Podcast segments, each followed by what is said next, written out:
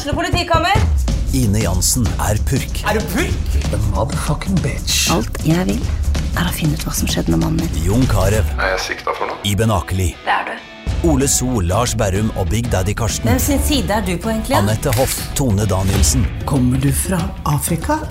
Jørnis Josef, Nesten. Kløfta. Trond Espen Seim, Det er synd å si det, men det var feil mann som døde. Purk. Premiere tirsdag på TV2 Play. Ungsamtalen fra DNB er økonomisk veiledning tilpasset deg som er ung. Bokk en ungsamtale på dnb.no. slash ung. Det er kjempebra hvis du skal inn på boligmarkedet, hvis det er drømmen din, liksom. Det er det du skulle sagt. Og så kunne du ropt litt mer, da, sånn som jeg gjorde. Bam! Åh,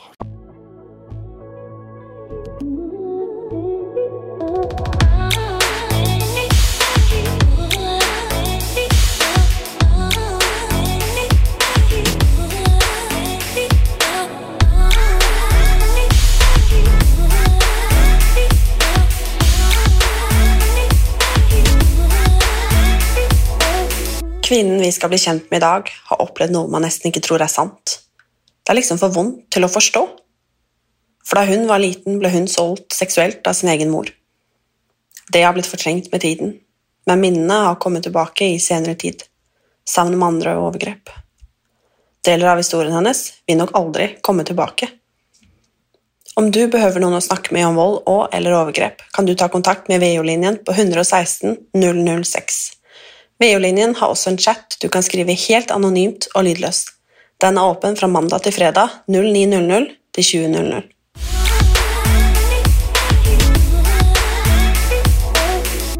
Hvordan var du som barn?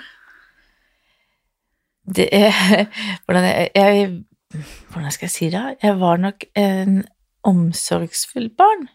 Jeg var nok et rolig barn. Jeg var veldig redd for å gjøre noe galt. Eh, Jeg tok vare på de som var rundt meg. Eh, Jeg var nok et barn som var vanskelig å finne ut av for de rundt meg. Eh, Jeg hadde ikke noen venninner.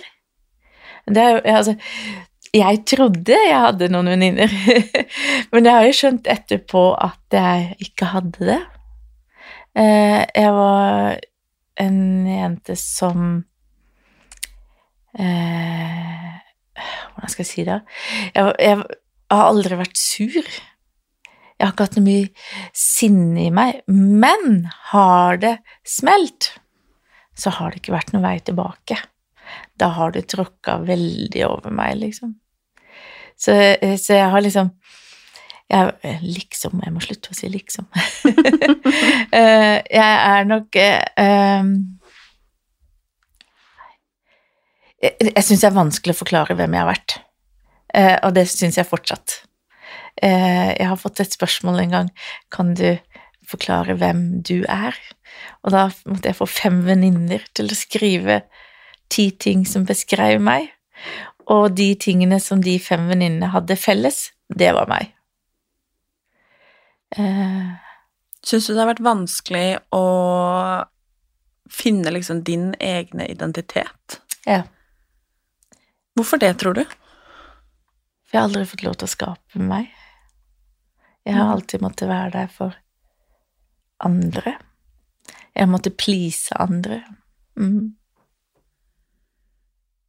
Når du var, eh, la oss si, like gammel som meg, 24 år, Mhm. husker du noe fra det? Ja, da, eh, da var jeg jo tobarnsmamma.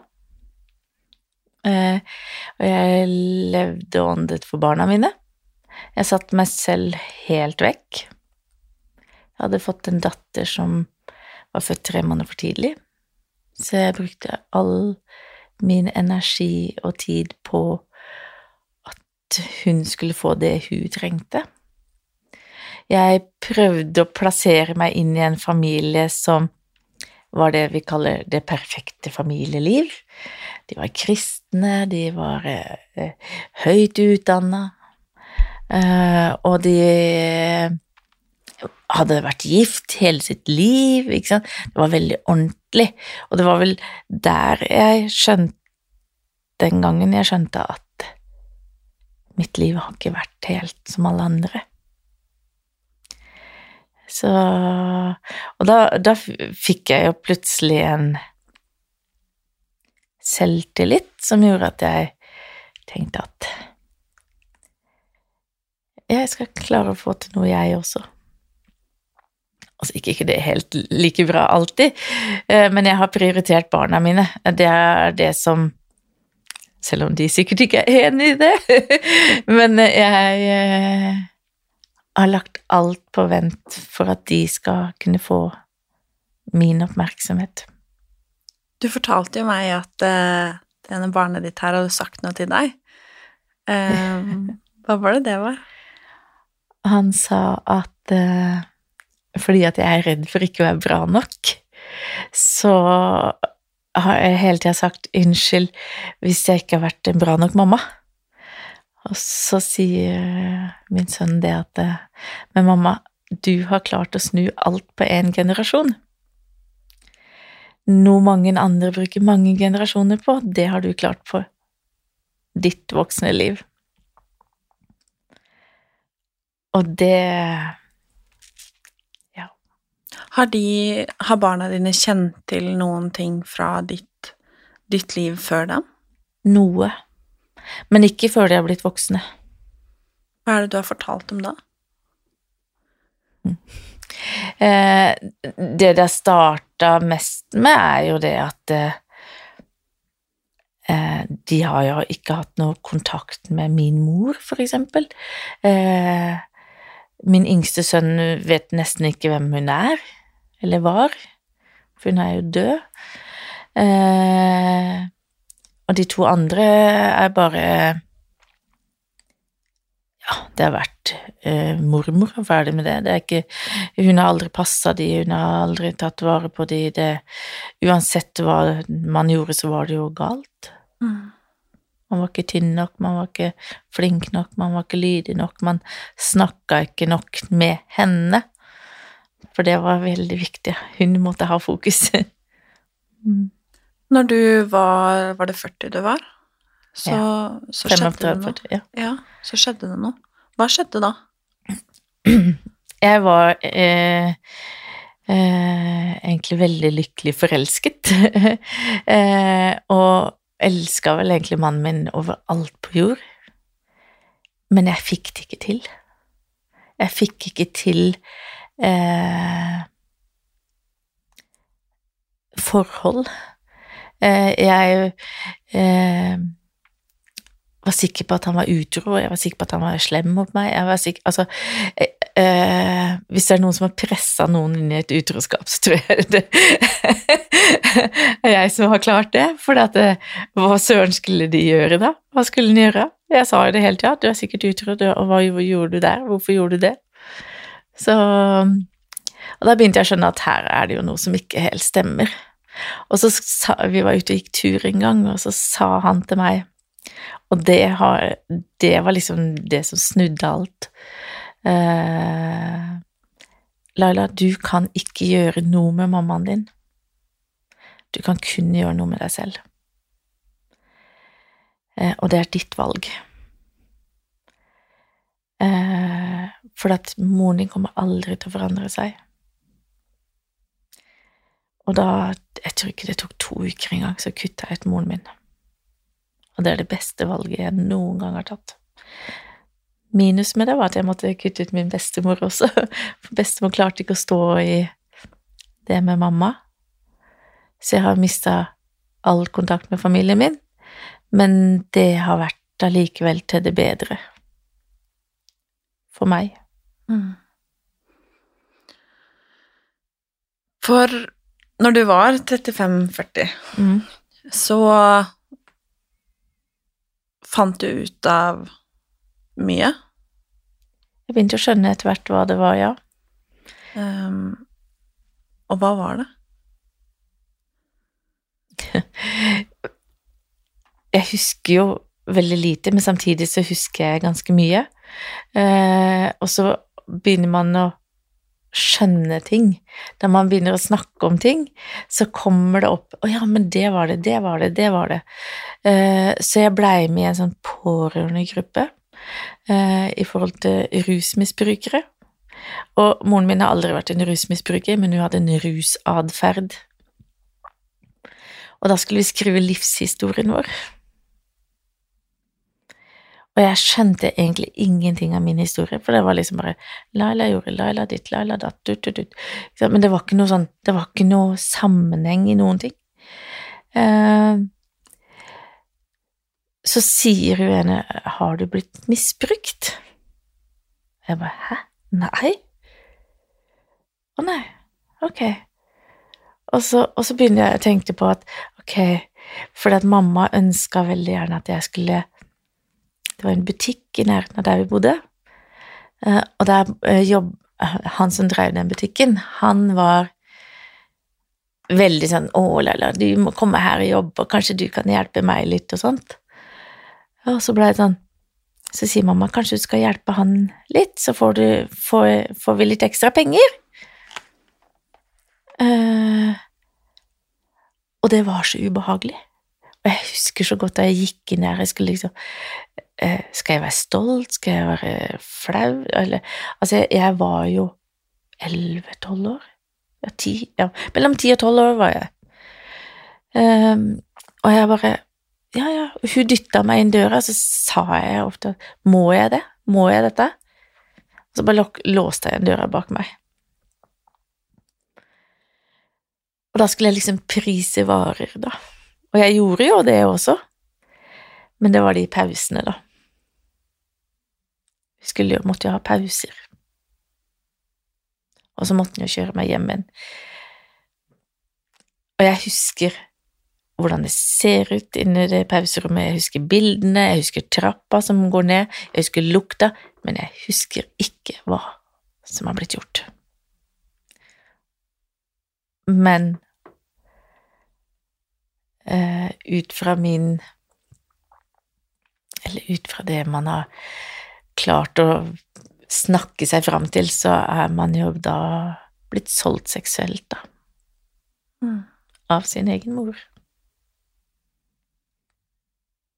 Ja. Og dette forsto du først i godt voksen alder? Ja. Når dette gikk opp for deg, hva følte du da? Uh, hvordan jeg følte det da? Jeg ble egentlig litt letta. For da var det en grunn til at jeg var som jeg var. Det var en grunn til at jeg ikke Altså, jeg kan fint være i en relasjon i ett år, to år, men så klarer jeg ikke mer. For da er jeg ikke da, Jeg vet ikke hva som skjer, uh, egentlig. Uh, så nå har jeg vel funnet ut at det beste er å være aleine.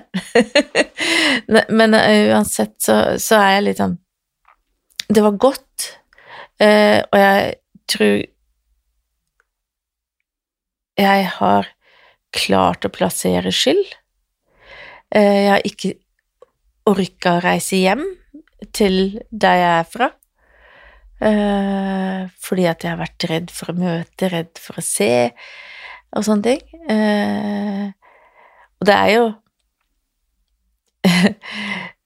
Du trenger ikke å se personen for, uten å vite at de er der. For det er de jo. Altså, de, du kjenner jo blikket, du kjenner jo lukta. Du, du er fullstendig klar over at de er innafor en radius på nær omkrets, da. Mm. Og da har jeg valgt å ikke reise hjem. Du var altså 10-11-12. Mm. Um, og ble da sendt dit av din egen mamma, mm. og dette skjedde. Mm.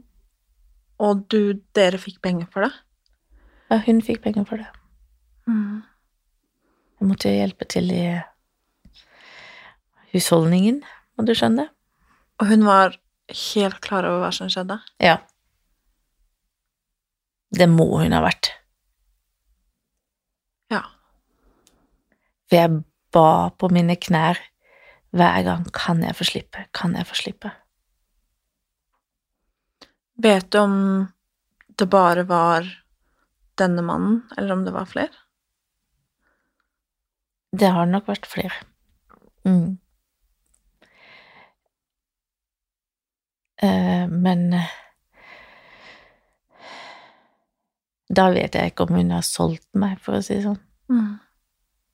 Det kan jeg ikke Det kan ikke jeg huske. Har du fått svar på hvorfor eh, Hvorfor dette er så vanskelig å huske? det, det er vel at man stenger litt igjen, da. Det er for en overlevelsesstrategi. Mm. Eh, for jeg merker jo det at jeg, de ting som er veldig vanskelig, det er bare shutdown, liksom. Så Ja, nei, jeg, det var i hvert fall det jeg lærte da jeg gikk i behandling, da. At uh, enten så fryser man, eller så uh, stivner man Altså, ja. Mm. Jeg er en sånn som fryser, da. Jeg må nesten spørre deg, for dette her var jo åpenbart eh, seksuelle opplevelser som ingen skulle vært utsatt for. Mm. Klarer du å huske første gang du hadde en frivillig seksuell opplevelse, eller er det også Det har jeg aldri hatt. Nei. En sex Altså, fri... eh, Det har jeg aldri hatt, det er jo helt feil å si. Eh, hodet vil, men kroppen nekter. Eh, man er med fra brystet opp, men ikke ned. eh, for alt som skjer under brystet og, og ned, det er fysisk vondt. Og jeg har prøvd eh, at jeg har fortalt om det, sånn at folk skal Altså at menn skal ta hensyn til det.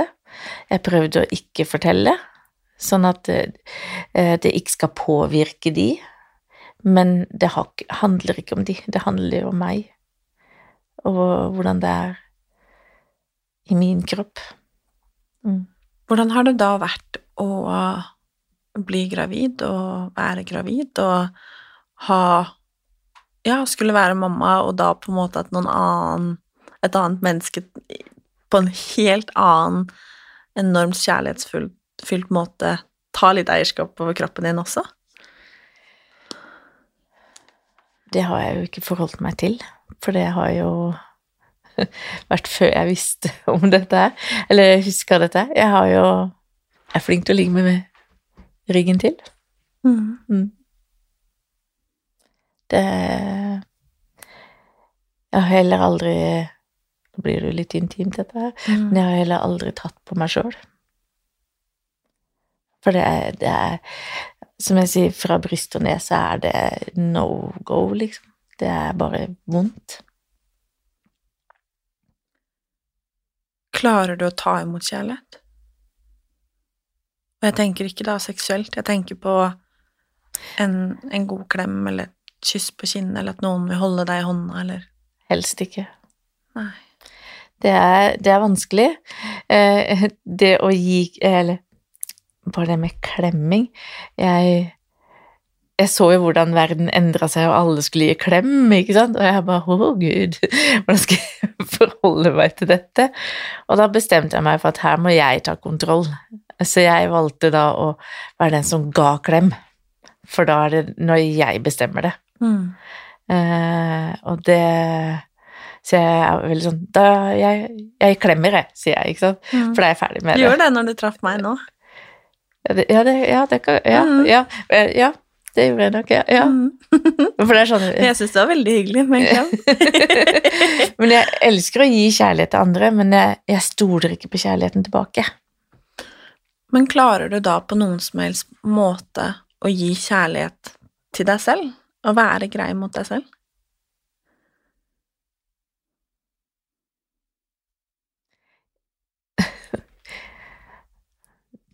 Det vet jeg ikke helt.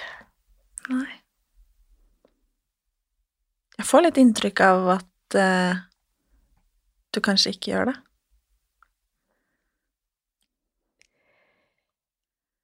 Jeg lever uh, mitt liv gjennom mine barn og mitt fantastiske, nydelige barnebarn. Jeg sier jeg trenger ikke noen mann i mitt liv, jeg har lille skatten. Og, det, og så lenge jeg kan få lov til å gi kjærlighet, så får jeg jo det jeg trenger sjøl. Mm. Grunnen til at du begynte i behandling, Mm. det var jo en utløsende hendelse til det i utgangspunktet, at du havnet i det systemet. Orker du å fortelle om det? Eh, ja, jeg kan jo Det var mange grunner til det. Eh, det, var mange, eh, det, var, det toppa seg på mange måter. Jeg Det starta egentlig med at jeg var på jobb. Og så måtte jeg tilbake igjen til sjefen på det stedet som jeg var. Og der var det fest, og der var det ganske mange mennesker. Der eh, jeg ble voldtatt av de. Eh, og da begynte jeg jo Eller så tulla jeg vel egentlig bare det bort, for jeg tenkte jeg gikk jo dit frivillig. Ikke sant? Eh, og så huska jeg ikke så mye av det sjøl. Jeg husker at jeg lå på en seng og eh, eh, Noen lo. Eh, og så husker jeg at jeg sa nei. For det kom en eller annen person inn døra, så da husker jeg at jeg sa nei, nei, nei, nei. Eh, og så har jeg sovna på et eller annet tidspunkt. Og så da jeg våkna da morgenen, så reiste jeg. Eh,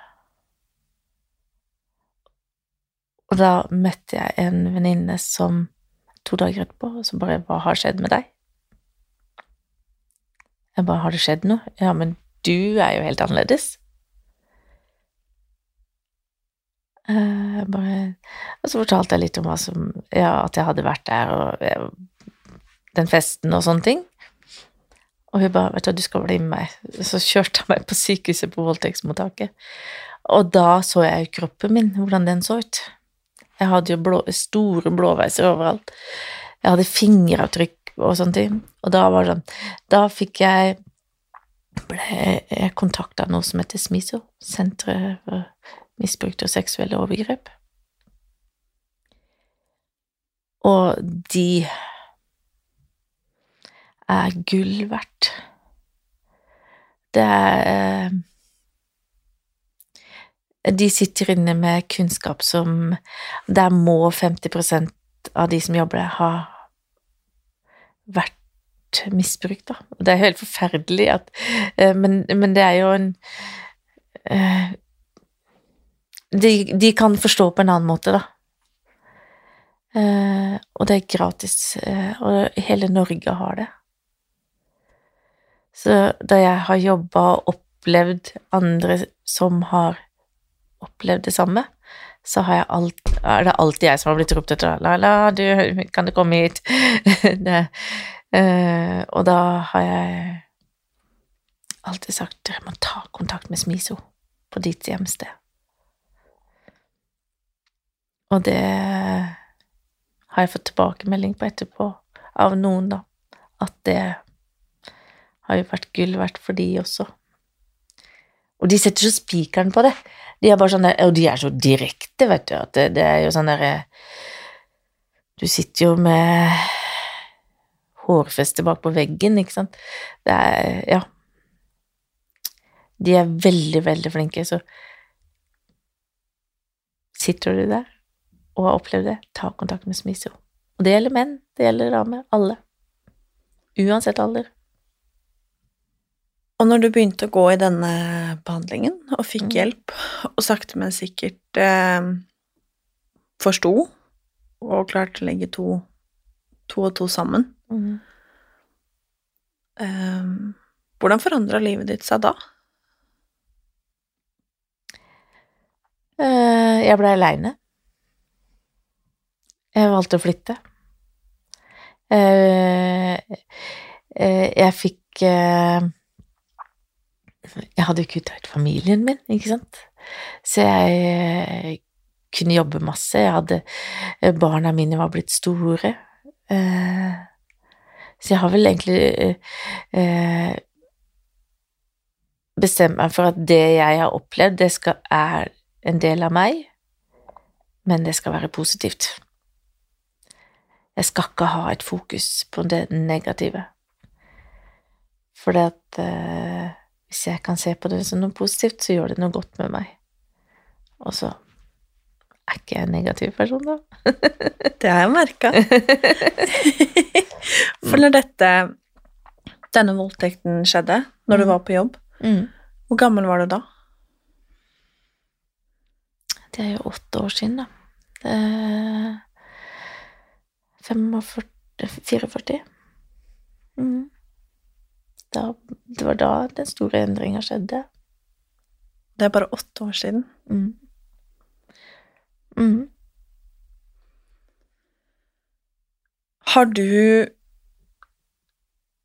valgt å fortelle mennesker du møter om dette, eller har du valgt å på en måte bære på det selv, med tanke på at du har på en måte tenkt at du skal bruke dette positivt for din egen del? Det kommer helt an på den jeg møter. Eh, for det er ikke alle som tåler å stå i det og høre det. Eh, og så har jeg jo Jeg har jo en bagasje som er kjempestor, som gjør at man eh, catcher opp ting veldig fort hos andre. Og hvis du catcher opp det hos andre, så og de ikke klarer å prate om det, så, så er det null stress for meg å si noe. Eller null stress, det var vel kanskje å ta litt tid. Men eh, jeg, jeg er ikke noe flink til å prate om det selv. Men får jeg spørsmål, så uh, har jeg null problem med å prate om det. Mm. Uh, for da handler det liksom ikke om meg. Jeg skjønner. Jeg er nødt til å gå tilbake til 10-11-12-årsalderen. Fordi at jeg eh, Jeg sliter liksom med å fatte det. Det forstår jeg. Um, men også egentlig fordi jeg syns det er viktig at vi prater om det. Mm. Um, fordi det dessverre garantert er andre barn på 10-11-12 år, yngre, eldre, som er i lignende situasjoner på en eller annen måte, Mm. Eh, og ble utsatt for overgrep og misbruk. Og jeg eh, oppfatter det jo sånn som at du håndterte dette på din måte. Eh, og putta det i en helt annen boks enn den du egentlig var i. Og så lurer jeg på om det var noen andre som forsto. Veldig festlig at du spør om det, faktisk. Uh, for to, to år siden så jobba jeg i Åndalsnes. Uh, og så var jeg oppe på rampestreken, og så tok jeg et bilde, og så la jeg det ut på Facebook. Og så er det ei som jeg gikk på barneskolen med, som sier plutselig 'Å, ser du det tårnet der? Jeg bor rett under det tårnet. Er du her lenge?' Jeg sier jeg skal være her i seks uker, og hun bare 'Kan vi møtes?' Og hun gikk jeg på fra første til sjette klasse med. Og så møter jeg hun på en kafé, og hun sier 'Hvordan er det å være deg?' Så forteller jeg litt om ting og tang. Og jeg spør det samme tilbake igjen, og så sier jeg For hun var den jeg så på som min, en av mine gode venninner, som jeg tenkte var min venninne. Men jeg hadde jo aldri besøk. Jeg kunne være med de hjem, eh, men det var liksom Ja En eller to ganger på de seks åra, kanskje. Og så sier jeg, vi turte jo aldri å være med hjem til deg. Og jeg bare, hvorfor ikke det? Nei, for det var så ekkelt. Moren din var jo ikke grei. Jeg bare, ok, hva mener du med det? Nei, men det var et eller annet Man skjønte at det var noe, men man klarte bare ikke å sette fingeren på det. Og jeg bare Og det, det var så godt. Det var bare sånn der Hun så jo. Hun fikk jo med seg noe. Fra et barn til et annet. Ja.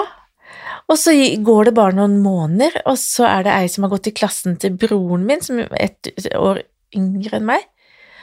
Og hun bare For da eh, Mamma døde jo. Eh, og det er jo bare Er det ikke godt for deg? Se hva da? At hun er borte? Eh, jo.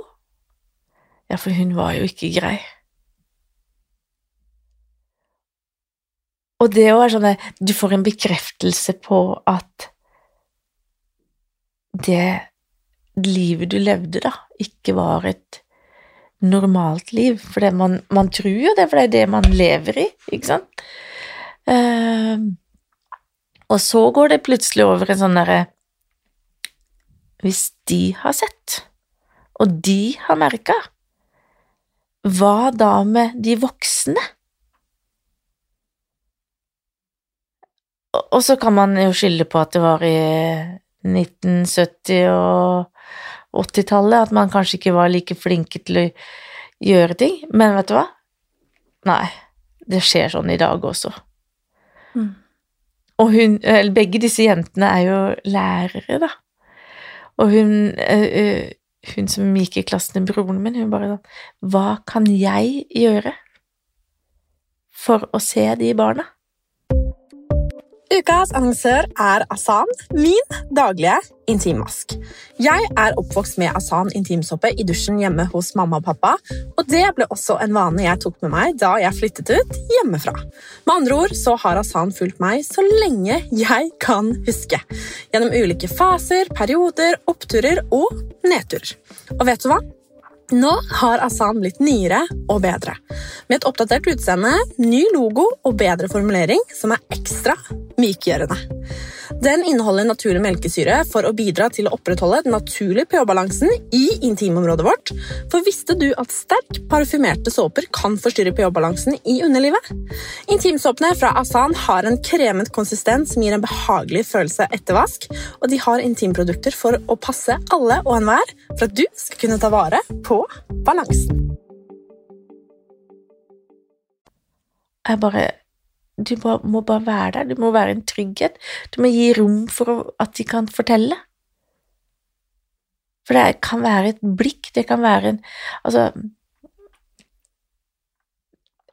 Bare det der å bli tatt på med en kjærlig hånd, ikke sant?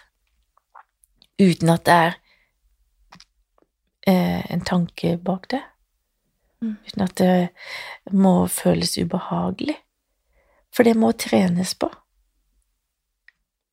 Eh, og bare spørre hvordan har du det? Hvordan er det å være deg? Og det er like mye gutta som i jentene. Eh, og jeg husker sjøl, eh, for jeg har jobba som lærer selv, og det som var så viktig for meg, var å hver eneste dag elevene kom, så skulle jeg stå i døra, og jeg skulle si hei. Og så hadde man jo også gjort det da det gikk dagen før, og, og da spurte jeg alltid hva skal du gjøre i dag? Og da morgenen kom da, så kunne jeg spørre hvordan gikk den fotballkampen? Hvordan var det på stranda? Hvordan var den sykkelturen? Og da har du blitt sett, og du har blitt hørt. Og, og det Så har jeg én lærer som gjorde det, og det var i niende klasse. Hun så meg. Hvert litt. Mm. Vet du hvor lenge dette pågikk? Nå skal det jo sies at mamma var jo psykisk syk. Eh, jeg vet hun reiste fra pappa da jeg var ett og et halvt år. Nei, nå tuller jeg. To og et halvt år. Broren min var ett og et halvt. Eh, og da mamma flytta da, så hadde jeg ikke plass til å ha med meg og broren min. Så da var det Da ble vi plassert på barnehjem. Eh, og da til hun hadde funnet et sted å bo. Eh, og da var det best For ja, bestemor de bodde i samme hus som eh, bestefar sine foreldre, ikke sant, og så skulle mamma komme dit med unger og heie opp. Nei, gud a meg, det gikk jo ikke an. Eh, men eh, mamma fikk seg en leilighet, men det var bestemor som henta meg. Eh, men jeg jeg husker, jeg husker sånne småting. Eller om jeg husker det, eller om jeg har blitt fortalt det. For broren min vet jeg, han har fortalt at han tente på dyna mi. For jeg, han ville helst ikke at jeg skulle være der. Mm. Vi det var lite vi fikk lov til. Vi fikk ikke lov til å gå ut da de andre var ute, så kasta vi leker ut av vinduet, så sto de med ryggen til, og så skulle de gjette hva vi kasta ut. så, så, så, vi måtte holde oss på rommet vårt, da. Og jeg ser, broren min sliter nok mye mer med vår barndom enn enn meg, men jeg kom meg unna da jeg var 16. Men hvor lenge det har vart, det har vært øh, har ikke, Folk skulle ha tatt et tak da vi ble satt på barnehjem. Min mor skulle aldri ha hatt barn. Hun hadde mer enn nok med seg selv. Snakka du og broren din noen gang om dette misbruket, som du på en måte har blitt fortalt eller forstått i ettertid? Ikke før mamma døde. Nei. Nei. Og da forteller jo han også om sine opplevelser. Mm. Så det, det har ikke lett, vært lett å være han heller. Uh, men uh, Ja, det har vært uh, Vi fikk jo en lillebror da jeg var ti. Som var veldig etterlengta, visstnok. Uh, der Han blei født da i 80 1980. Og det eh, Da Mamma ble lagt inn på rekreasjon, som det het den gangen. eh, og da Han kalte meg mamma. For det var jo ikke noe eh, Hun var jo lenge borte, og min da pappa, som jeg trodde var min pappa, eh, som da viste seg etter hvert at det ikke var, eh, han, eh, han reiste på jobb klokka fem om morgenen. Og den gangen var det husmorvikar, da. Og de kom ikke før klokka åtte. Åtte til to, da. Da var jeg ferdig på skolen. Og han kom hjem igjen klokka fem. Da var det jo oss, da. Mm. Ja. Det er en historie. Ja. Det er nesten sånn at man ikke tror på det sjøl engang. Men du sa jo dette her med at eh, du har aldri liksom oppførte deg bra nok, du er aldri pen nok, du er aldri tynn nok, du er aldri fin nok, alle disse tingene her. Mm. Um, tror du det var viktig for mammaen din at du var pen, vakker, tynn Det er jævlig å si det, men deilig, liksom? Når du var barn? På grunn av det som skjedde, og det hun utsatte deg for? Det vet jeg ikke. Det jeg, jeg, jeg, tror ikke hun hadde noen tanke for det. Jeg tror hun egentlig bare hadde en tanke for at hun skulle se, si mest mulig stygge ting. For, altså, jeg begynte på lærerskolen. Hvorfor skal du det? Du klarer det ikke allikevel. Hvorfor skal du spille håndball? Du kommer ikke til å klare det allikevel. Hvorfor skal du få barn? Du klarer ikke det allikevel. Hvorfor skal dere bygge hus? Dere kommer bare til å selge det. Altså, sånn har det Det har vært sånn siden dag én. Men hun har vært misunnelig. Alltid misunnelig. Eh, jeg husker hun sa 'Jeg kan jo ikke kjøpe gaver til barna dine, for de er aldri bra nok'. Og så sier jeg 'Men det handler jo ikke om at de skal koste 1000 kroner'. Altså, hvis min datter ønsker seg en hårspenne, så ønsker hun seg en hårspenne. Kjøp en hårspenne til 30 kroner. Altså, hallo! Det har aldri hatt et behov for masse penger. men eh, Og hvis, hvis hun kom i selskapeligheter og alle snakka sammen, så satt mamma seg alltid på en stol for seg selv, og så satt han med armene i kryss, og så bare satt han og vurderte deg. Og hvis ikke du da begynte å snakke med henne, da lagde hun sirkus ut av en annen verden. Punktum. Hvor lenge siden er det hun døde? Det er fem år siden. Hvordan var det? Juhu! Nei, men vet du hva, eh, det som var veldig spesielt, er jeg jeg har en venninne som bor ikke så langt unna der mamma bodde, og jeg visste ingenting. eh, eh, For dere hadde da virkelig ikke snakka sammen? Ja, Vi snakka ingenting sammen. Jeg hadde ikke noe kontakt med noen. Eh, og, og så får jeg plutselig en telefon av broren min. Eh, da er jeg hos min venninne, som da bor eh, tre-fire kilometer unna. Og så sier han eh, 'Mamma er alvorlig syk, hun kommer til å dø'. Jeg bare 'Ja vel'. Ja, hun, hun vil veldig gjerne at du skal komme. Hvorfor det? Nei, det visste han ikke, da. Så det må jeg tenke på. Men jeg, jeg, jeg kan ikke komme nå allikevel, for jeg er langt unna.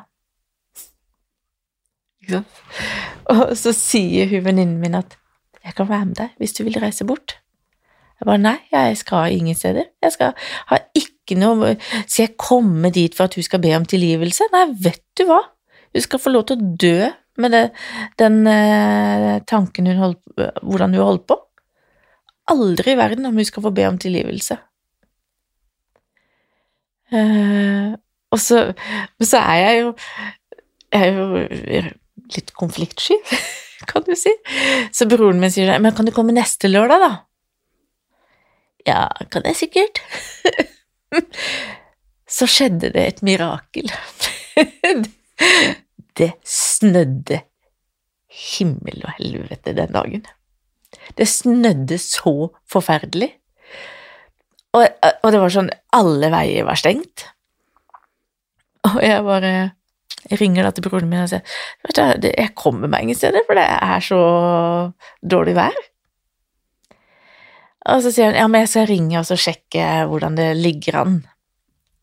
Eh, for hun har vært veldig fin form et par dager nå. Så jeg, ja, gjør det da, sier jeg. Jeg kunne jo ikke komme uansett, men eh, ja. Så ringer han tilbake eh, ti minutter etterpå og sier nei, vet du hva, hun er i kjempefin form, så ikke tenk på det, vi tar det en annen dag. Så jeg bare ok, kjempefint, ha en fin dag, juhu. Ikke sant? Og så går det fem minutter, og så ringer han opp igjen, og sier han mamma er død. Jeg bare hva? Hva sa du? Ja, nei, det snudde sånn. Det snudde på én, to, tre. Så er død. Jeg bare ja, ja, ja, ja, ja, ja, ja, endelig. Og så så blei ble det liksom For jeg er jo eldst, da. Så det er sånn begravelser og alt mulig rart, og jeg bare Jeg kan ikke, jeg skal på fjellet med Røde Kors. Ja, men kan du ikke utsette det? Nei, nei, nei, det går ikke. Det er, det er ikke mulig. så og, og Ja, men er det en uke du skal være der? Nei, to. og så og de utsatte det, da. Fader. Og så ringer det en prest da, til meg, og så sier han liksom Mens jeg sitter på fjellet Uh, Ja, han skulle lage tale, da. Lurte på om jeg hadde noe jeg ville si. Nei, jeg har ikke det. Han bare Ingenting? Noe positivt har du vel? «Eh, nei. Ja, men brødrene dine har klart det. Bare, Så fint for de. Helt uaktuelt. Ja, men noe Altså, du må jo ha hatt noe hyggelig. Så sier jeg nei, beklager, jeg har ikke det. Jeg har aldri De har aldri stilt opp for meg. Altså, vi skulle på ferie til Danmark. Jeg har vært én ferie. Jeg kom hjem uten hår, fordi broren lugga meg alt håret. Jeg har, det er et bilde av meg der jeg står på båten i Danmark med Jeg har, ikke har jeg klær som passer, kjolen er liksom til rumpa, og så har jeg shorts under, for at det, eh, skal dekke rumpa mi, da. Og jeg står bare sånn helt sammenklemt med sånne småtuster på huet, eh, fordi at ingen turte å gå imot han, turte å si noe. Bare lot den få lov til å holde på. Eh, Så nei, beklager, jeg har ingenting å si. Ja, men hva er det som er grunnen til det? sier han. Og da var vel egentlig første gang jeg sa det høyt, at fordi at mamma solgte meg seksuelt. Og han bare eh, Ok, du kan få slippe. Men kommer du? Så jeg vil helst slippe. Og så sier han, vær så snill og kom. Så skal jeg få sagt noe om dette her i min tale. Så jeg kom, da. Alle skulle opp og legge roser på og greier, og jeg bare vær så god, jeg satt. Det var hele elleve stykker som kom. Broren min med sin familie, fire stykker. Andre broren min, han er alene. Så var det meg og min datter og ene sønnen min. Og så var det tante og onkel. Eh, og presten liksom begynte sin tale, da.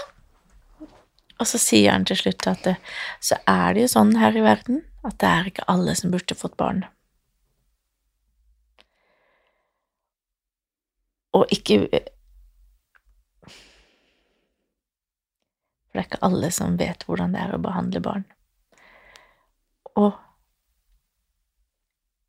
uten å beep navnet hennes eh, er vel en av de.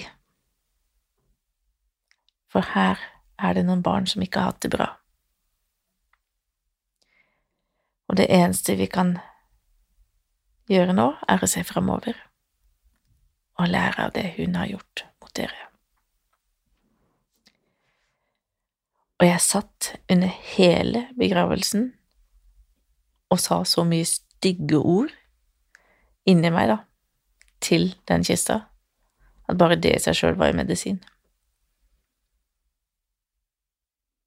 Sånn, din jævla drittkjerring, du Ja, altså Ja, masse sånne stygge ting, da. Alt hun har tatt fra meg og mine og brødrene mine og moren sin, faren sin, søstera si Altså, alt det drama hun har lagd i alle år. Det har vært drama fra A til Å. Sånn Ja. Og så gjør vi jo ikke noe galt selv. Det er bare alle andres skyld. Nei da, så da blei jeg begrava, da.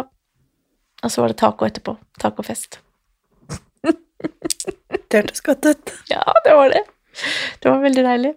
Men det det gjorde, var jo at jeg fikk kontakt med broren min igjen. Og det, også det at vi nå kunne prate om det vi har opplevd, eh, uten å være redd for at den ene sier noe til den andre. Altså, plutselig så catcher mamma det opp, ikke sant? Og da vet man jo at det er jo det Ja, da smeller det jo da.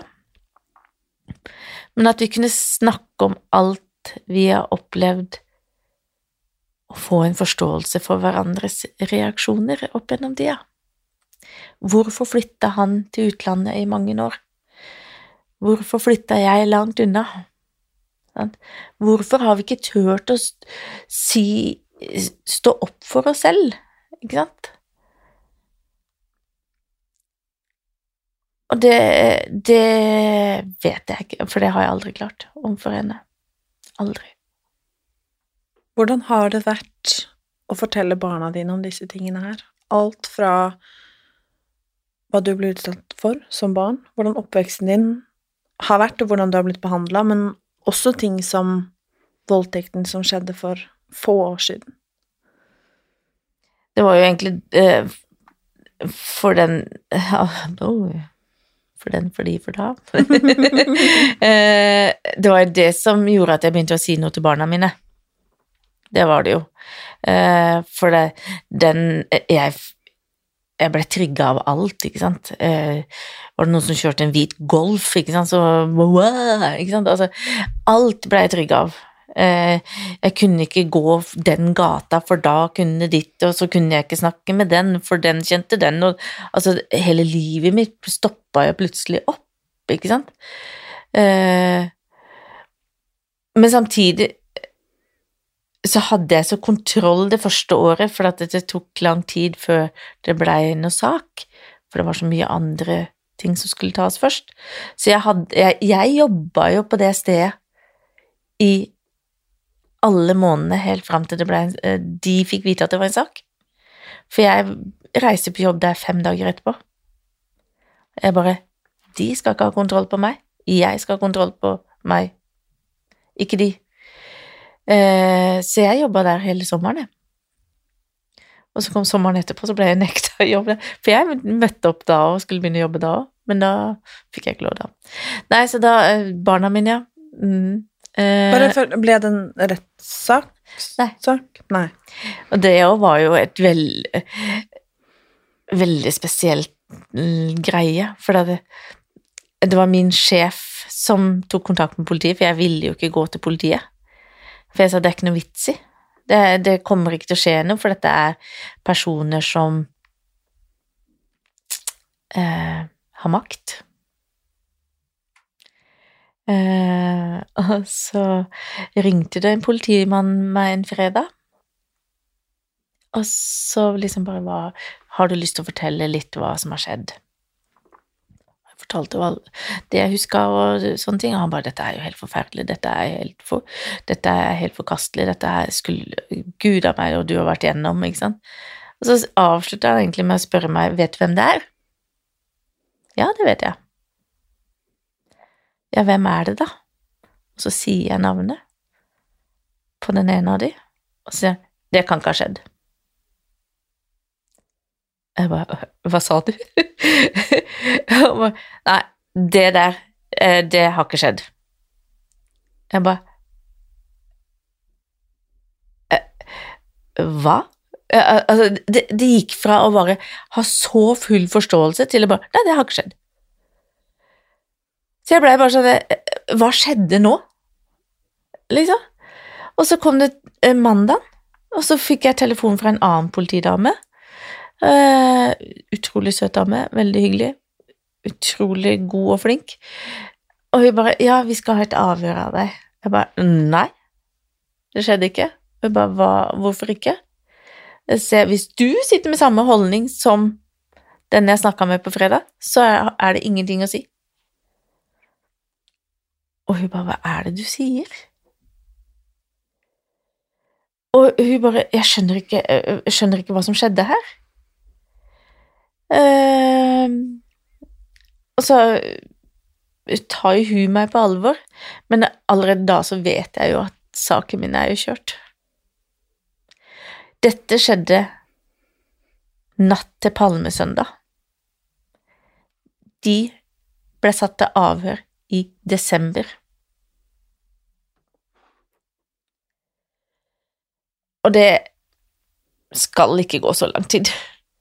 Og så lurer de på Nei, de fant ingenting. Nei, gud, de har sikkert skifta litt og dusja litt og ordna seg litt siden den gang. Men uh,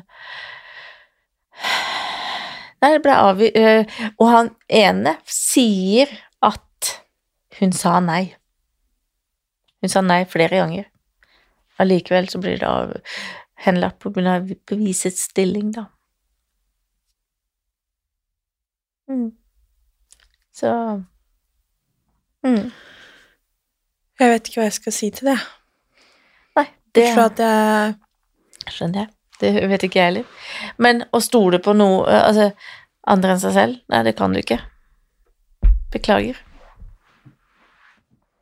Faen, altså. Mm. Og de går Og han som sa at ja, men hun sa nei. Jeg har møtt han noen ganger på uteliv, og hver gang han ser på meg, så bare Jeg kan merke på flere hundre meters avstand, det blikket. Det hånlige blikket. Det er bare åh. Og det verste var at jeg faktisk sa til politiet da dere venta så lenge, så kan dere vente til etter jul, så ikke dere ødelegger jula til folk. For jeg visste at han ene hadde barn. Nei, det kunne de ikke. Da du har venta siden april så, øh, til desember, så kan du vente til januar også, så du ikke ødelegger jula til folk. Så nei da. Det var øh, jula si Jeg reiste bort, jeg, så jeg reiste til seks uker til Mauritius, jeg, så det jeg, jeg klarte ikke å være hjemme i Norge. Jeg klarte, ikke, jeg klarte det ikke. Fiksa det ikke. Skjønner. Mm. Og da begynte jeg å fortelle barna mine litt hva som skjedde, og så har de fått litt sånn smådrypp her og litt der. Men de har aldri fått hele historien min. Det har de ikke. Men den kan jeg ikke fortelle heller, for jeg husker den ikke sjøl. Syns du det er eh, At det er vanskelig å snakke om en historie du på, måte, på mange måter ikke har eierskap til, sånn som nå?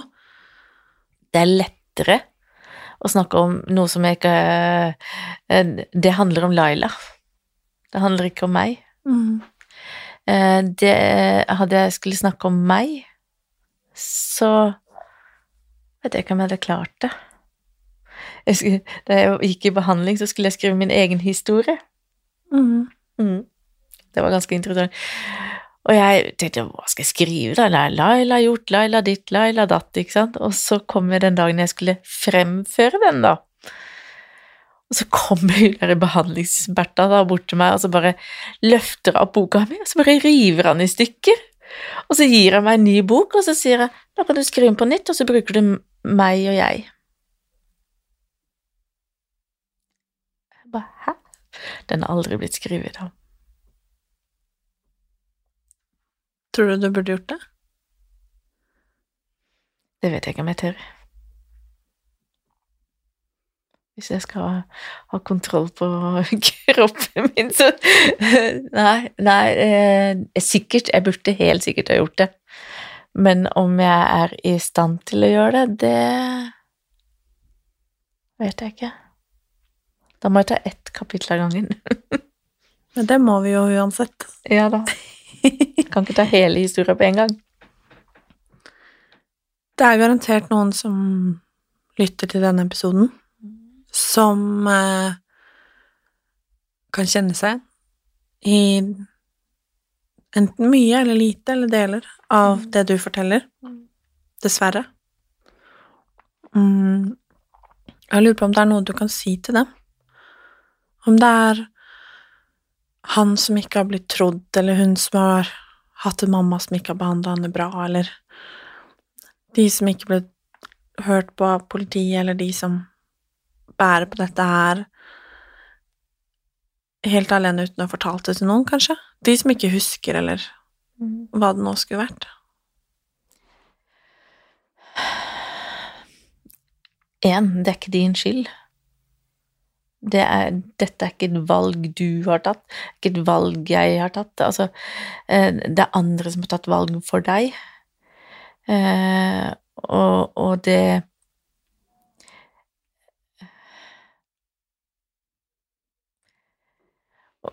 Og, og jeg, forskjellen på meg og broren min er at han sitter fortsatt og ma, eh, Eller maser, det blir feil å si det, men han gir ikke slipp. Han prater og prater og prater og prater, og prater. Og han, han sa 'jeg har så mye ord, Laila, jeg får ikke Jeg, jeg, jeg kan ikke Altså, jeg klarer ikke å slutte'. Uh, mens jeg har ikke det. Jeg, jeg, prater da jeg har behov for det, jeg, men jeg har mine runder på Smiso da jeg, det bygger seg opp, og sånn så ringer jeg til de og sier vet du, nå trenger jeg prate. Uh, Smiso, gå til Smiso, de har taushetsplikt, det er gratis, ingen trenger å vite det. Om du er pårørende og lurer på om barna dine har opplevd, eller om du har sett eller hørt, eller uh, ta kontakt med Smisio, de hjelper deg. Uh, Smisio tok også kontakt med politiet da min sak ble henlagt. Uh, For det eh, ble henlagt med ikke mulighet til å gjenopptas. Og de skjønte ingenting. Absolutt ingenting. Eh, de har lest gjennom alt av papirer og sånne ting, og det bare De skjønner det ikke. Hvordan var det mulig? Men, men uansett eh, Det er alltid en eller annen der, om det er en prest, eller om det er en eh, sosiallærer, eller en venninne, eller mammaen til en venninne, eller til en kamerat. Det er alltid en eller annen som vil høre på deg. Og om det ikke er for å høre på, men som du kan søke trygghet hos. For det er den tryggheten du må få. Eh, jeg hadde smiledama i gata vår. Jeg vet ikke hva hun heter, jeg kalte henne bare Smiledama. Jeg, jeg, jeg har ikke peiling på hva jeg heter. Hun kunne jeg gå ned til og bare få lov til å sitte rundt et bord. Og så ser jeg jo at venninnen, eller venninner til mamma, hun hadde jo ikke så veldig mange da, for å si sånn, hun hadde vel null, Eh, men hun var jo da en periode i en sånn venninnegjeng, noen damer i gata. Eh, De har nok sett, de har nok fått med seg, for der får jeg meldinger ennå. Så om det er å prate med de, hvis du eh, For at du blir god på å kjenne igjen ting, om det er trygt eller ikke trygt. Og hvis du føler at det er trygt, så er det det. Så er det ringe Martine, da. Snakke med noen som forstår, som har opplevd. Fordi at de kan guide deg videre. Mm. Tusen takk, Laila. For at eh, du ville dele, og at du orka å dele. Jeg vet at det krever en hel haug. For at du har eh, garantert gjort en forskjell i dag for noen der ute. På den ene eller andre måten. Og jeg er så lei meg for at du og andre opplever å ikke bli hørt og trodd eller sett. Og derfor skal du, jeg og vi fortsette å prate om disse tingene her. For sånn skal det ikke være. Og, og vi tror deg, og uh, fins her. Takk. Og man er ikke alene, uansett hvor mye det skulle føles som. Tusen takk, Laila.